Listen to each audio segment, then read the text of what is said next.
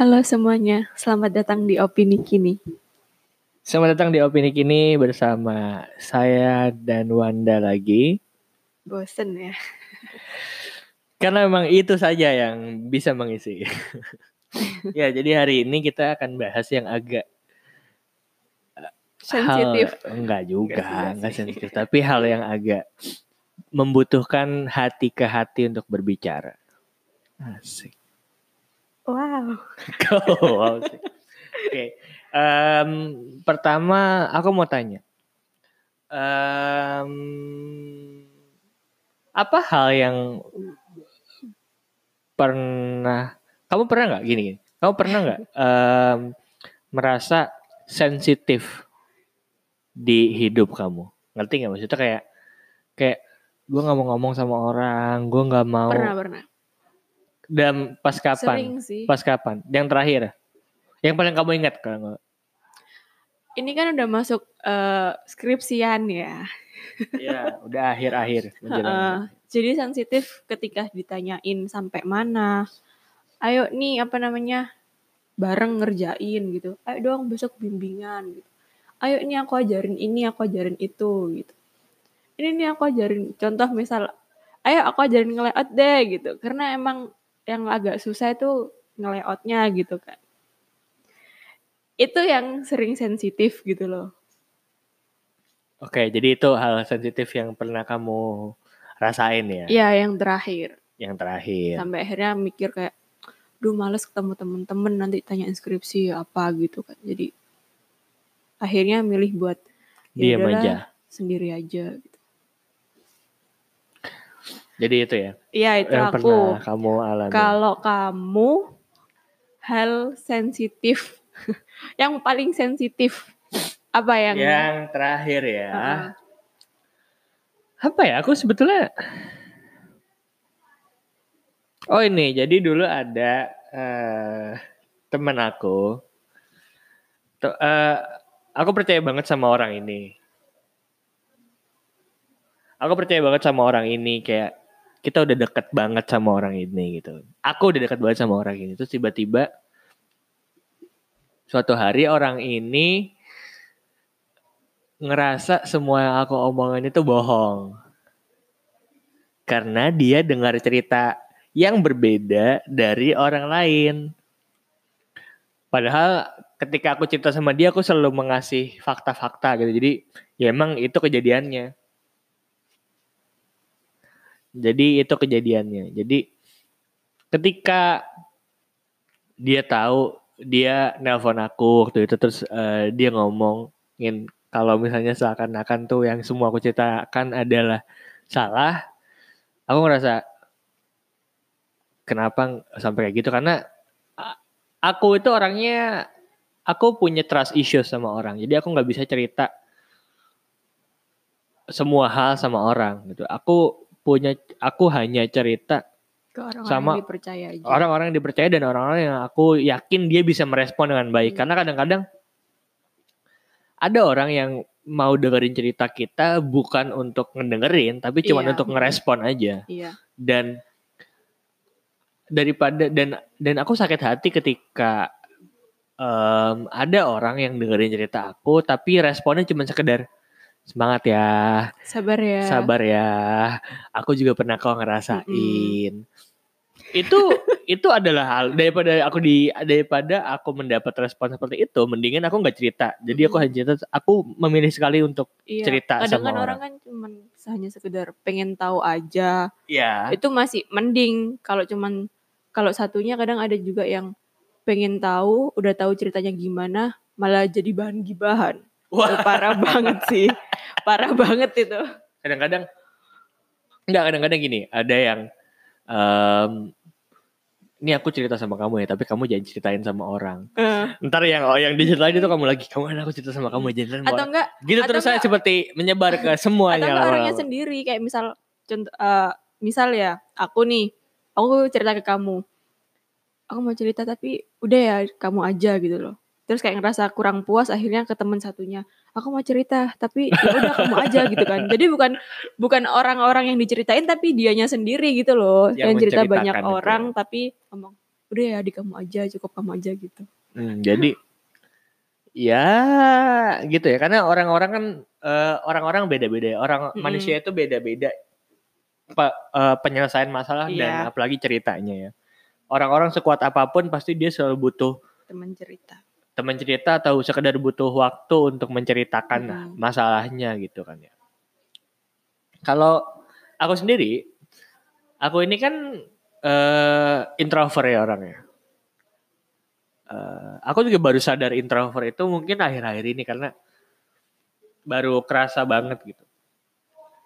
Em, Orang-orang ngira introvert itu harus kayak pendiam kalau ditanyain gak jawab kalau dia kalau masih sekolah duduk di pojokan.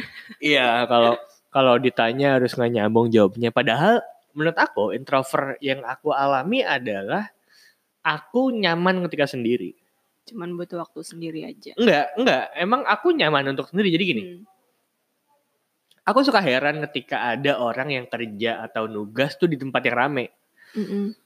Kayak di tempat misalnya gerai makan ayam ada kan tuh salah satu eh, ada. restoran ayam tuh Iya, yang biasanya tiap tiap malam suka rame banget sama tugas Mm.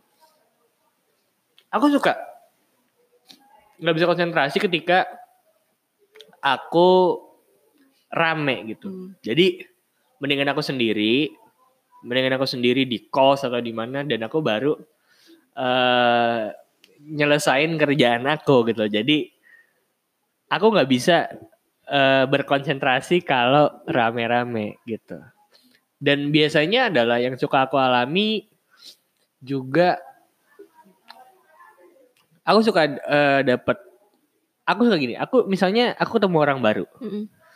aku merasa seru ngobrol sama dia Mm-mm. awal-awal iya dan memang seru gitu Mm-mm. tapi setelah ngobrol tuh aku ngerasa capek gitu capek aja kayak banyak energi yang dikeluarkan gitu. Jadi aku ngerasain kayak kayaknya gue introvert deh. Maksudnya gue nggak bukan aku nggak senang sosialisasi tapi aku nyaman ketika sendiri gitu. Gue juga. Extrovert juga capek juga gitu loh. Kamu kalau kamu gimana? Aku setengah-setengah sih.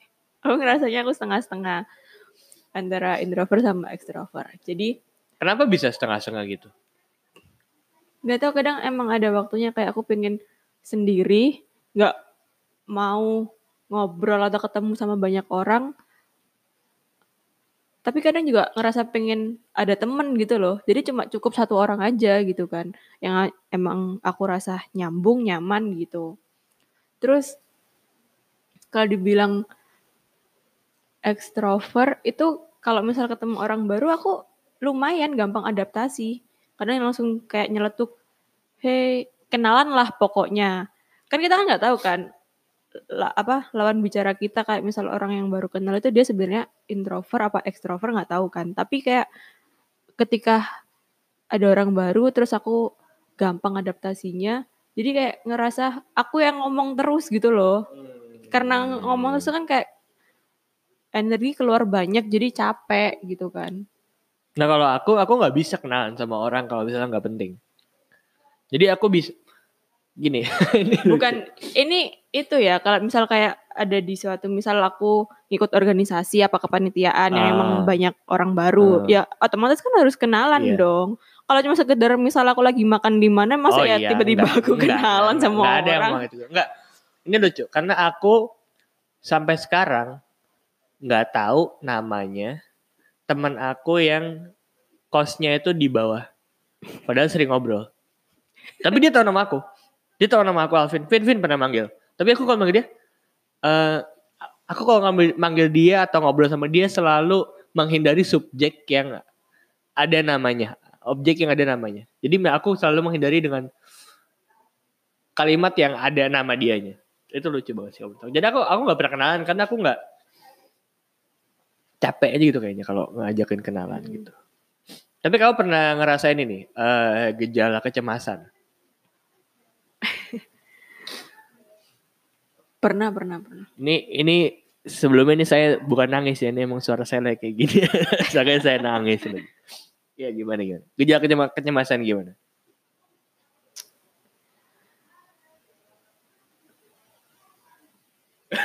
gimana? Aku gak bisa jawab. Pernah nggak? Apa ya? Sepertinya saya lupa. Nggak karena gini, karena kan beberapa waktu ini kan kita em, dengar berita ada terutama waktu itu yang sangat mengagetkan saya adalah ada eh, penyanyi Korea namanya Suli, kamu tahu nggak? Bukan Sulis ya yang nyanyi ini. Umi, Eh, bukan yang gitu. Itu apa? Pernah, pernah. Dulu itu Suli itu pernah mantan beritanya. FX itu masih ada nggak ya? Pokoknya dia girl band lah dulu girl band. Nggak tahu masih ada atau Aku enggak. juga nggak tahu. Dia girl band dan dia itu bunuh di dia itu bunuh diri di rumahnya. Udah beneran bunuh diri. Udah udah lama. Udah mati beritanya. berarti. Hei, udah udah meninggal. Ya kan emang nggak tahu. iya sudah sudah sudah bunuh diri dan sebelum bunuh diri itu dia menunjukkan eh, ciri-ciri bahwa dia tuh dalam tanda kutip dibully dan dia tuh punya apa ya, gejala-gejala depresi. Hmm. kita kita samakan dulu persepsinya. Depresi itu adalah ketika orang yang udah bingung dan nggak ngerti lagi gimana cara ngelanjutin hidup ya. Iya. Kalau cuma pusing bukan depresi namanya. pusing ya pusing gitu. Atau kalau lagi capek itu capek dan bukan Iya, depresi. heeh. Jadi udah ada di fase depresi di mana Hmm. dia tuh ngerasa sendirian dan nggak punya teman Mm-mm. dan akhirnya memutuskan untuk em, mengakhiri hidupnya. Iya. Em, kalau misalnya kasus Suli itu yang aku baca adalah karena dia dia kan public figure ya. Kadang-kadang public figure itu kan juga orang-orang yang public figure itu adalah konsumsi dari em, kita waj kita kita dengan kita berhak mengkonsumsi apa yang dia karyakan. Misalnya Hmm. dia adalah aktor ya, kita harus ya lu harus terus jadi aktor, lu harus Iya. lu harus bagus terus di layar kaca gitu. Tapi kadang-kadang kan mereka juga manusia gitu, mereka punya sisi capek dan lain-lain. Nah. kayaknya seneng terus. Aduh, Iya, gitu. ngiranya senang terus kayak oh kaya nih dia nih punya banyak Mm-mm. semuanya. Padahal kan kadang-kadang nggak tahu di baliknya itu gimana Betul. perjuangan orang itu. betul karena kadang-kadang gini kita bisa punya teman, tapi punya teman yang bisa dipercaya itu susah. Gitu. Nah, dan juga ini juga ada baru informasi yaitu Kang Daniel orang Sunda. Enggak, enggak bercanda. Eh Kang Daniel ini adalah Korea juga. eh ya art- eh, penyanyi, Penyanyi. Korea dan Solo dia apa? setahu saya dulu itu ya dulu sempat eh boy band Boy ya setahu band. saya. Ya, nah dia em, eh, label musiknya menginformasikan bahwa Kang Daniel ini akan hiatus Hmm. karena dia mengalami gejala kecemasan Baru-baru ini itu. baru-baru ini. Ini beritanya tanggal 4 Desember dari eh, kompas.com. Nah, em, dia em, labelnya eh, menjelaskan bahwa Kang Daniel harus hiatus karena masalah kesehatan mental dan fisik. Hmm. Gimana menurut kamu? Ya, ya perlu sih. Kalau emang dirasa emang udah apa namanya eh, Capek banget ya, eh, gitu ya. capek gitu kan. Kadang kan orang kan capek karena apa namanya tuntutan ini itu yang ya emang harus diselesaikan. Tapi kan eh kemampuan orang kan nggak nggak ada yang tahu gitu loh. Tingkat kecapean orang nggak ada yang tahu gitu kan. Benar. Enggak karena kadang-kadang gini. Untuk artis ya, kalau untuk ini untuk artis ya, karena ada dua. Aku mau jelasin dua. Pertama, untuk artis kadang-kadang kita ngelihat artis itu di jumpa pers misalnya atau konser. Konser itu kan dua jam ya. Mm-mm. Di konser dua jam itu kadang-kadang kita ngelihat artisnya tuh have fun, seneng Hmm, banget. Tapi kan itu kan cuma dua jam dari 24 jam di Mm-mm. Kehidupan gitu dia kehidupan dalam satu hari atau kadang-kadang gini nih kita sering banget gitu ya kamu mu- atau aku mungkin sering banget atau mungkin yang dengar ini sering banget menyimpulkan orang ini lagi seneng, lagi susah, lagi bahagia, lagi enggak dari instastorynya yang cuma 15 detik. Iya, bener. Orang ini instastory lagi makan-makan, wah, wah, wah, gini gini gini. Kiranya seneng. Ya seneng. Padahal kan itu cuma 15 detik dari 24 jam atau mungkin Iya. 15 detik kali Bener. 4 dari 24 jam. Kamu tahu Linkin Park? Mm-mm. Siapa? Penyanyi. Linkin Park kok penyanyi band, band, Linkin Park penyanyi band. Vokalisnya bunuh diri. Gara-gara Gara-gara? depresi. Depresinya gara-gara? Oh, aku nggak tahu. Pokoknya gara-gara depresi. Hari satu hari setelah satu hari sebelumnya malamnya mereka itu makan-makan seneng seneng ngobrol-ngobrol senyum-senyum. Gimana gimana? Satu hari setelah Satu hari sebelumnya, satu hari sebelumnya Oh, sebelum. itu ada rekaman yang rekam Hmm. itu istrinya. Heeh. Istrinya si Chester Bennington Hmm. ini ngerekam bahwa makan-makan. makan-makan lagi rame-rame, aja ih gitu senang kan. senyum-senyum nggak ngeli memperlihatkan bahwa dia itu sedang depresi. gitu. Mm-mm. Terus Nah, kadang-kadang Nah besoknya eh, ditemukan bunuh diri. Nah kadang-kadang orang itu em, memperhatikan orang ketika dia sedih. Karena kadang-kadang gini. Menurut aku hal yang paling sulit dilakukan di dunia ini adalah peduli. Karena buat peduli yang sesungguhnya kita nggak bisa cuman eh gue peduli sama lo nih. Gue peduli sama lo, lo kalau bu- lo kalau butuh apa ngomong sama gue. Tapi buat peduli sama orang tuh kamu harus jadi orang itu. Misalnya orang itu sakit, orang itu nggak punya uang, orang itu dipecat dari pekerjaannya. Kamu harus ngerasain gimana kalau dipecat. Kamu mungkin bilang kamu sabar ya, gue cuma ngerasa, gue juga pernah ngerasain ya. Kan kita nggak bisa dipecat walaupun di perusahaan yang sama kan bisa jadi kedua kasusnya beda. gitu. Kadang-kadang semua orang, kadang-kadang orang itu ngerasa ya ya lu masalah lu gitu doang lu juga pernah gitu. Padahal kan kadang-kadang nggak kayak gitu gitu. tapi kadang juga tingkat apa? Kok tingkat sih? Cara kepedulian orang tuh beda-beda gitu loh. Tapi walaupun beda-beda, tapi kan kita harus sepemahaman kalau untuk peduli sama orang kita harus masuk ke Iya, pikirannya heeh, orang itu. benar. gitu. Dan Bukan cuma sekedar sabar ya. Namanya juga ini. Misal Iya, kayak hidup ya itu contohnya tadi apa namanya? Dipecat dari pekerjaan. Ujungnya itu mah ini kok apa namanya? Anggap aja itu ujian dari Tuhan yang mau naikin derajat kamu kayak gitu-gitu kan. Hmm, Iya dan eh, ketika orang kayak gitu kadang-kadang dan ketika orang sedang berada di em, gejala kecemasan atau merasa apa ya namanya merasa nggak ada yang peduli sama dia itu ada dua hal juga.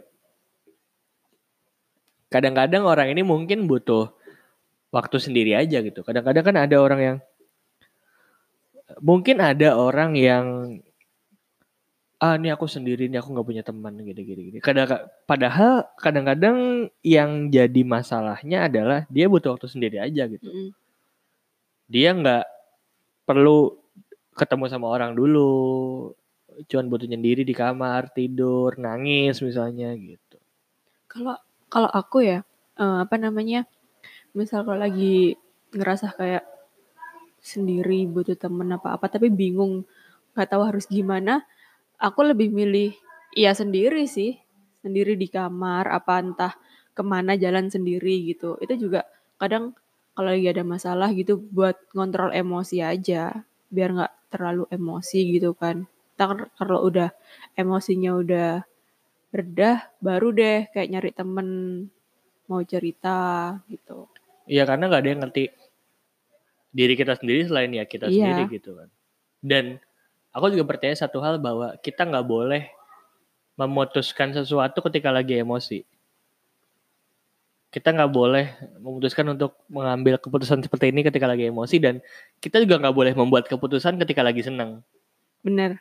Dia harus netral gitu. Kadang-kadang ada orang yang gara-gara banyak banget kan gara-gara emosi misalnya anaknya dipukul, anaknya gini gini gini, orang tuanya ditampar gini gini. Tapi ketika setelah emosi nyesel. Setelah emosi selesai nyesel. Jadi kalau aku sih ya kalau lagi emosi seperti itu ya aku lebih baik diam. Kalau kamu gimana? Kalau lagi emosi, Ya, eh dulu sih karena aku emang nggak tahu ya, aku ngerasa orangnya emang emosian. Kemarin-kemarin tuh kayak ini sih, kayak bis, kurang bisa ngontrol emosi aku. Jadi eh kalau lagi ada masalah emosi ya udah kebawa gitu loh. Orang-orang di sekitar aku kena gitu ya. Entah aku marahin padahal dia nggak tahu apa-apa. Entah aku kayak jutekin apa gimana gitulah. Atau nggak tiba-tiba memilih untuk aku lebih suka kalau lagi ada masalah dan aku nggak tahu harus gimana motoran sendirian tanpa tujuan sampai akhirnya entah tiba-tiba di luar kota aja gitu. Padahal kan lagi emosi itu kan sebenarnya nggak nggak boleh gitu loh. Iya. Dan itu baik Bahaya ya, nggak banget, baik, ya, heeh. nggak baik. Terus akhirnya makin ke sini udah ngerti kalau emang ah itu bahaya nggak boleh hal kayak gitu dilakuin. Jadi ya lagi ada masalah emosi ya udah lebih milih diem aja gitu. Hmm. Diem di kamar tiba-tiba nangis gitu. Hmm. Ntar kalau udah agak enakan baru deh cari orang yang bisa diajak cerita. Hmm. Oke oke oke. Kadang meskipun nggak nggak sedetail mungkin cerita masalahnya, mungkin cuma sekedar sambat ya kayak, aduh lagi sedih nih, pusing apa-apa gitu. Kadang mereka langsung nanya nanya kenapa gitu kan. Padahal mah menurut aku jangan jangan ditanya kenapa gitu loh. Kayak nggak enak aja sih. Kenapa? Kenapa? Apa Ini ya? aku nanya kenapa. Maksudnya kenapa nggak dita jangan ditanya kenapa? Ya kayak ngerasa dia cuma pengen tahu Ah, masalah doang gitu loh. Enggak, enggak, enggak emang pengen peduli gitu. ya. Mm-mm. Padahal kan kadang-kadang nggak semua masalah bisa diceritakan saat itu juga. Iya, heeh, benar. Oke. Sekarang em, mungkin kita mau memberikan pesan untuk orang-orang yang sedang mungkin merasa sendiri di luar sana. merasa Tidak punya siapa-siapa. siapa-siapa. Nggak tahu harus ngelanjutin harus hidup ngomong, gimana. harus punya gimana. Yang pertama adalah kalau dari aku sendirian itu nggak apa-apa. Kamu nggak perlu merasa kesendirian itu akan membunuhmu atau kesendirian itu akan menghancurkanmu bahwa karena eh mungkin teman-teman yang dengar ini harus sadar bahwa nggak ada yang bisa peduli sama diri kita sendiri kalau bukan diri kita sendiri itu juga. gitu. Iya, Jadi nggak usah merasa kalian sendiri. Em, eh, take your time gitu maksudnya em, lakukan apa yang perlu dilakukan ketika kalian sendiri dan ketika butuh teman cerita langsung bilang untuk cerita atau untuk butuh bantuan sama orang-orang yang dipercaya. gitu. Kalau misalnya teman-teman yang dengan ini nggak punya em, tempat buat cerita, silakan boleh hubungi saya secara pribadi mungkin kalau kenal. Kalau tidak, em, silakan hubungi orang-orang yang teman percaya gitu. Apa? Dari aku Iya nih dari kamu. Pesan buat teman-teman yang di luar sana ngerasa sendiri. Iya. Bener apa yang dikata Alvin tadi. Sendiri itu perlu gitu loh. Banyak orang yang bilang kan, coba deh lebih cinta sama diri sendiri gitu kan. Jadi kalau misal kalian Love yourself. Kalau kalian ngerasa ngerasa sendiri gitu dan bingung mau gimana coba pelan-pelan cari hal yang kalian suka. Yang kalian suka lakuin gitu. Kayak misal cuman sekedar kan ada masalah kan nggak tahu gimana. Cuman sekedar ah pengen yang sendu-sendu gitu. Dengerin lagu aja. Kayak gitu kan bisa kan kadang. Terus atau enggak tiba-tiba nonton YouTube gitu. Atau enggak pesen makanan yang ini Diinginkan kesukaan gitu ya. heeh, yang dipengen kayak gitulah jadi ya uh, jangan pernah ngerasa sendiri. Maksudnya ngerasa sendiri yang nggak ada siapa-siapa gitu loh. Karena kita nggak akan nggak akan pernah tahu sebenarnya orang yang kita pikir ah dia nggak peduli sama kita, padahal dia yang paling peduli. Terus mikir juga dia loh kok apa namanya dia sebenarnya peduli kan sama aku gitu orang dulu juga sering bantuin apa-apa gitu padahal sebenarnya bukan dia yang paling peduli sama kita oke jadi jangan mudah nilai orang gitu ya mm -mm. dan it's okay to be alone Yuk. Oke, okay, uh, eh, makasih teman-teman yang udah dengerin opini kini podcast bahasa sampai saat ini. Silahkan di subscribe atau dilanggan kalau merasa berguna. Terima kasih sekali lagi dan semoga berguna. Sampai jumpa di opini kini dan podcast bahasa selanjutnya.